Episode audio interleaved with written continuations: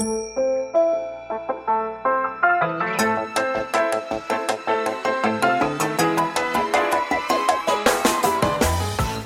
lieve luisteraars, welkom bij de Stories of Inspiration podcast van What's Your Story. De podcast waarin ik jou laat horen dat er achter ieder gezicht een inspiratiebron schuilt. En waarin ik jou heel veel tips ga geven over hoe jij meer naar buiten kunt treden met jouw authentieke verhaal. Heel veel plezier met luisteren en na afloop ben ik onwijs benieuwd wat je ervan vond. Stuur me een berichtje via Instagram als je wil reageren, als je vragen hebt of als je jouw verhaal ook zou willen delen. Veel plezier met luisteren!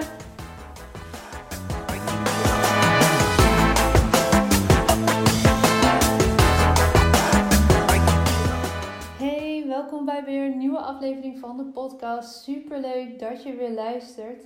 Ik ga vandaag uh, geen heel verhaal houden over, uh, uh, over de straalangst tweedaagse. Dat heb ik in de podcast van gisteren gedaan.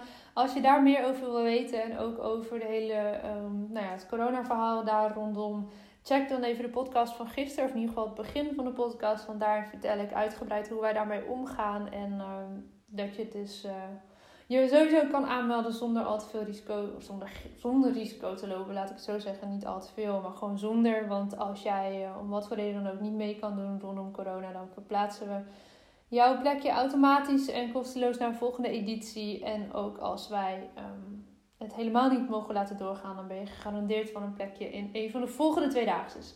Daarna heb ik een stuk voorgelezen uit het boek De monnik die zijn Ferrari verkocht. En dan ga ik vandaag weer een stukje uit voorlezen en mijn, uh, nou ja, mijn licht daarover laten schijnen. En we gaan het vandaag hebben over tijd. Iets waarvan we allemaal wel eens een tekort gevoeld hebben, denk ik. En ook wel overvloed en ook wel helemaal opgaan in de tijd. En dat de tijd even stil lijkt te staan.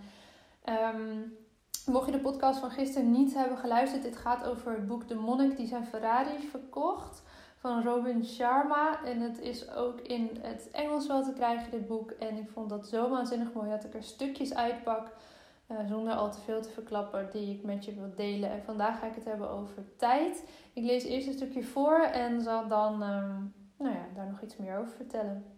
Het, gaat, uh, het hele boek is een gesprek tussen... Um, tussen Julian en John, allebei advocaat. En uh, Julian heeft uh, in de bergen ver weg allemaal prachtige inzichten gekregen over het leven nadat hij uh, nou ja, de advocatuur noodgedwongen moest verlaten. Ik ga het hebben over tijd. En dat brengt me bij iets anders. Dit is Julian die spreekt. Laat anderen geen tijd van je stelen. Pas op voor dieven. Dit zijn de mensen die je altijd bellen wanneer je net de kinderen naar bed hebt gebracht en je in je lievelingsstoel hebt genesteld om het spannende boek te lezen waar je al zoveel over hebt gehoord. Het zijn de mensen die op kantoor bij je langs wippen als je midden op de dag net een paar minuten voor jezelf hebt om op adem te komen en je gedachten te ordenen. Komt je dit bekend voor? Zoals gewoonlijk heb je weer helemaal raakgeschoten, Julian. Ik denk dat ik altijd te wel opgevoed ben geweest om ze te verzoeken weg te gaan of mijn deur dicht te laten, bekende ik. Je kunt niet duidelijk genoeg zijn wat je tijd betreft. Leren nee zeggen tegen de kleine dingen in het leven geeft je de kracht om ja te zeggen tegen de grote dingen. Sluit de deur van je kantoor als je een paar uur nodig hebt om aan grote zaken te werken. Denk aan wat ik je heb gezegd. Neem niet iedere keer de telefoon op. Hij is er voor jouw gemak, niet voor dat van anderen. Ironisch genoeg zullen mensen je meer respecteren als ze merken dat je iemand bent die zijn tijd hoog schat. Ze zullen beseffen dat jouw tijd je dierbaar is en daar zullen ze dan ook naar handelen. En dingen uitstellen? Maar al te vaak blijf ik voor me uitschuiven wat ik niet graag doe. En in plaats daarvan zit ik dan onbelangrijke posten lezen of vakbladen door te bladeren. Is dat geen tijd doden? Tijd doden is heel juist geformuleerd. Goed, het is de mens eigen om iets te doen wat hij graag doet en niet aan te pakken waar hij geen zin in heeft. Maar zoals ik al eerder zei, de meest productieve mensen in deze wereld hebben, zich, hebben zich de gewoonte eigen gemaakt om de dingen te doen die minder productieve mensen niet graag doen. Ook al staan ze niet te popelen om dit aan te pakken.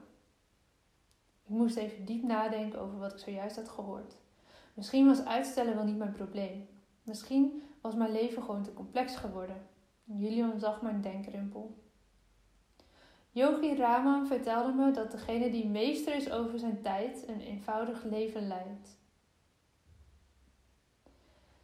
Een overhaast tempo is niet wat de natuur bedoeld heeft. Hoewel hij er sterk in gelooft dat blijvend geluk alleen te bereiken is door degene die effectief handelen en duidelijke doelen voor zichzelf stellen, hoeft er volgens hem een leven vol vervulling en inhoud niet het gevolg te zijn van het opofferen van je gemoedsrust.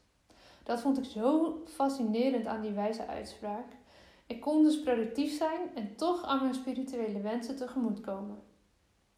Ik begon mezelf nu meer aan Julian bloot te geven. Jij bent altijd eerlijk en recht door zee tegen me geweest, dus dat zal ik ook tegenover jou zijn. Ik wil mijn praktijk en mijn huis en mijn auto niet opgeven om meer geluk en voldoening te krijgen. Ik houd van mijn speeltjes en de materiële dingen die ik heb verdiend. Het zijn beloningen voor alle uren dat ik door de jaren heen gewerkt heb, sinds wij elkaar leren kennen. Maar ik voel me leeg, werkelijk waar. Ik heb je verteld waarvan ik droomde toen ik nog rechten studeerde. Er is zoveel meer dat ik in mijn leven zou kunnen doen. Je weet dat ik bijna 40 ben en ik ben nog nooit naar de Grand Canyon geweest of naar de Eiffeltoren. Ik heb nog nooit door de woestijn gelopen of op een mooie zomerdag op een kalm meer gepeddeld. Ik heb zelfs nog nooit mijn sokken en schoenen uitgetrokken om op blote voeten door het park te lopen en daar naar de lach van mijn kinderen en het geblaf van de honden te luisteren. Ik kan me niet eens herinneren wanneer ik voor het laatst alleen ben gaan wandelen in de sneeuw, alleen maar om naar de geluiden te luisteren en van de gewaarwordingen te genieten. Dan moet je je leven vereenvoudigen, raadde Julian me vol medeleven aan. Pas het oude ritueel van eenvoud toe op ieder aspect van je leven. Door dat te doen zul je veel meer tijd krijgen om van alle wonderen te genieten. Een van de meest tragische dingen die je kunt doen is je leven uitstellen. Te veel mensen dromen liever van een betoverende rozentuin aan de horizon dan dat ze er achter hun huis zelf een aanleggen. Wat een tragedie. Kun je nog suggesties geven? vroeg John. Dat laat ik aan je eigen verbeeldingskracht over. Ik heb de strategieën die ik van de wijze heb geleerd aan je overgebracht. Ze kunnen wonderen verrichten als je de moed hebt om ze toe te passen.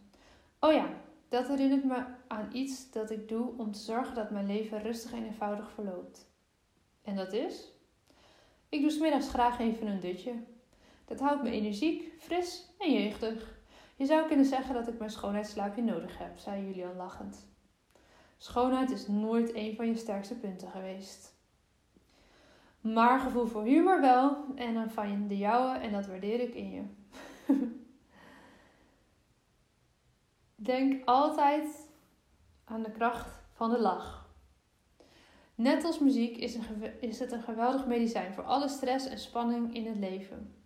Yogi Raman heeft een heel raak geformuleerd toen hij zei: De lach opent je hart en kalmeert je ziel.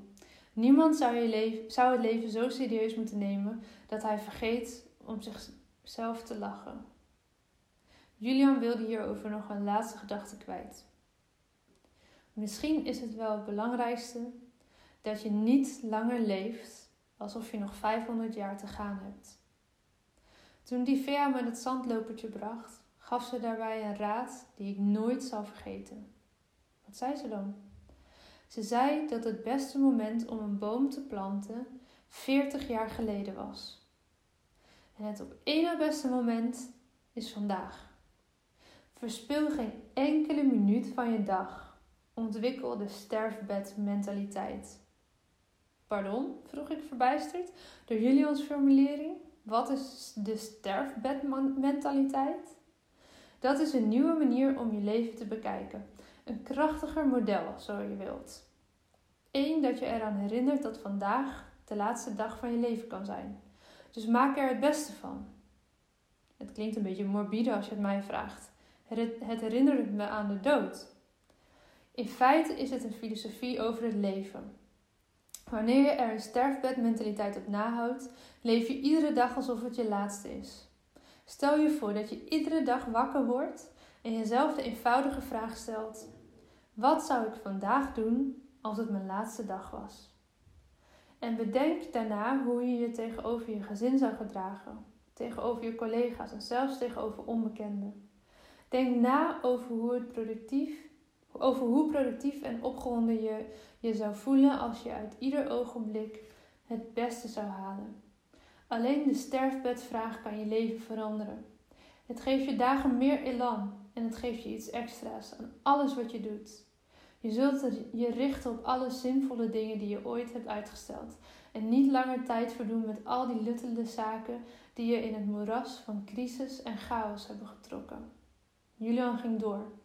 Dwing jezelf om meer te doen, meer te ervaren.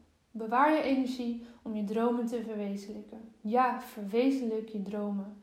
Neem geen genoegen met een middelmatig bestaan wanneer je over zo eindeloos veel mogelijkheden beschikt in het fort van je geest.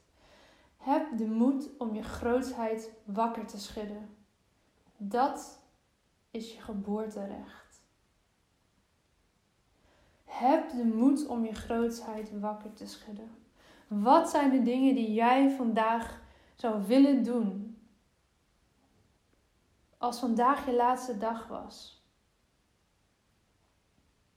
Laat het echt even tot je doordringen, deze sterfbedmentaliteit. Want het is een game changer. Het is een absolute game changer. En natuurlijk kan je niet altijd maar leven alsof het je laatste dag is. Dat snap ik ook wel. Bepaalde dingen moeten gewoon geregeld worden. Maar de mentaliteit, dat is wat het hem doet.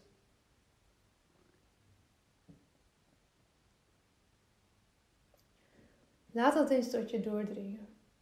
In een ander boek heb ik hier ook een keer een heel mooi voorbeeld over gelezen. Dat uh, was in het boek The Big Five for Life. Daarin hebben ze het over, over het museum van je leven. Dat als vandaag de laatste dag zou zijn van jouw leven. En je zou je dierbaren nog één keer mogen rondleiden in het museum van je leven. Wat zouden ze dan zien? Als dat een museum is, dan stel je echt even een groot museum voor. Met schilderijen aan de wand. En dat zijn allemaal schilderijen die iets zeggen over jouw leven. En de schilderijen zijn groter als je er meer tijd aan hebt besteed en kleiner als je er minder tijd aan hebt besteed. Zouden er dan hele grote saaie schilderijen hangen in jouw museum die heel dominerend en overheersend zijn met dingen die eigenlijk niet zo belangrijk zijn? Ik noem maar wat. Eindeloze vergaderingen, Zouden er dan dingen hangen waarvan je denkt: wow, die hebben echt een heel klein schilderijtje gekregen, terwijl dit eigenlijk super belangrijk voor me is? Wat zou het dan met je doen als je door dat museum loopt en ziet waar je veel tijd aan hebt besteed en waar minder? En is dat dan, klopt dat dan? Is dat dan goed voor jou zoals het nu is? Of zou je daar iets aan willen veranderen? Want laat ik het afkloppen. Als het goed is, is vandaag niet jouw laatste dag. En kan je dus ook nog wat veranderen aan de schilderijen die in jouw museum van je leven komen te hangen. En ook aan de grootte van de schilderijen die er nu al hangen. Door je tijd anders te gaan besteden. Je hebt alleen maar nu. En het stuk wat ik net heb voorgelezen gelezen uit het boek van de monnik die zijn Ferrari verkocht, omschrijft dat heel nadrukkelijk. Dus ik ga hier verder ook niet te veel woorden aan vuil maken. Ik wilde de vergelijking trekken met het verhalenmuseum van, van je leven, omdat dat misschien weer een ander, andere trigger voor je is. Maar het komt op hetzelfde neer. Hoe besteed jij je tijd en hoe zorgvuldig ga je daarmee om? We zitten nu vlak voor de jaarwisseling naar 2021 en ik denk dat het een fantastisch moment is om daarover te reflecteren voor jezelf. En om goede voornemens niet alleen maar voornemens te laten zijn om meer sporten, minder uh, slecht eten en dat soort algemene dingen. Maar maak ze eens concreet.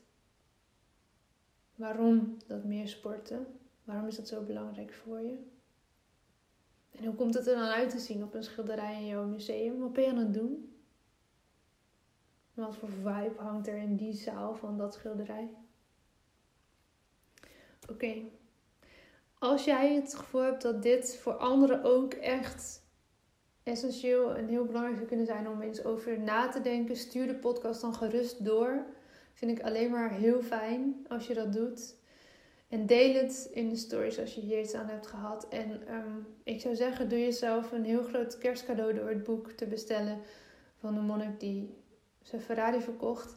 En The Big Five for Life, het is een Engelse titel, maar is in het Nederlands vertaald. Zou ik je ook echt, echt, echt willen aanraden. Dat is een boek um, totaal anders ingestoken dan uh, de monnik die Ferrari verkocht. Maar wel met eenzelfde soort mooi filosofisch gesprek tussen een aantal verschillende mensen die een hoofdrol spelen in dat boek. En super toegankelijk. Je leest er heel makkelijk doorheen. Het is heel beeldend. Ehm, ja, het zijn mooie boeken om eens eventjes jezelf bij te bezinnen. Dus doe jezelf dat cadeau als je hier uh, verder over wil nadenken voor jezelf. Ik wens je een fantastische dag en tot morgen. Ja, dat was hem weer voor deze keer. Dankjewel voor het luisteren en ik hoop dat je hebt genoten van deze podcast. Wil je me helpen deze podcast te laten groeien? Laat dan een recensie achter via iTunes of deel in je Instagram stories dat je hebt geluisterd en vergeet mij niet te taggen. What's your story? NL. Zo kunnen wij er samen voor zorgen dat er meer en meer inspirerende verhalen gedeeld zullen worden. Alvast onwijs bedankt voor je support en tot de volgende aflevering.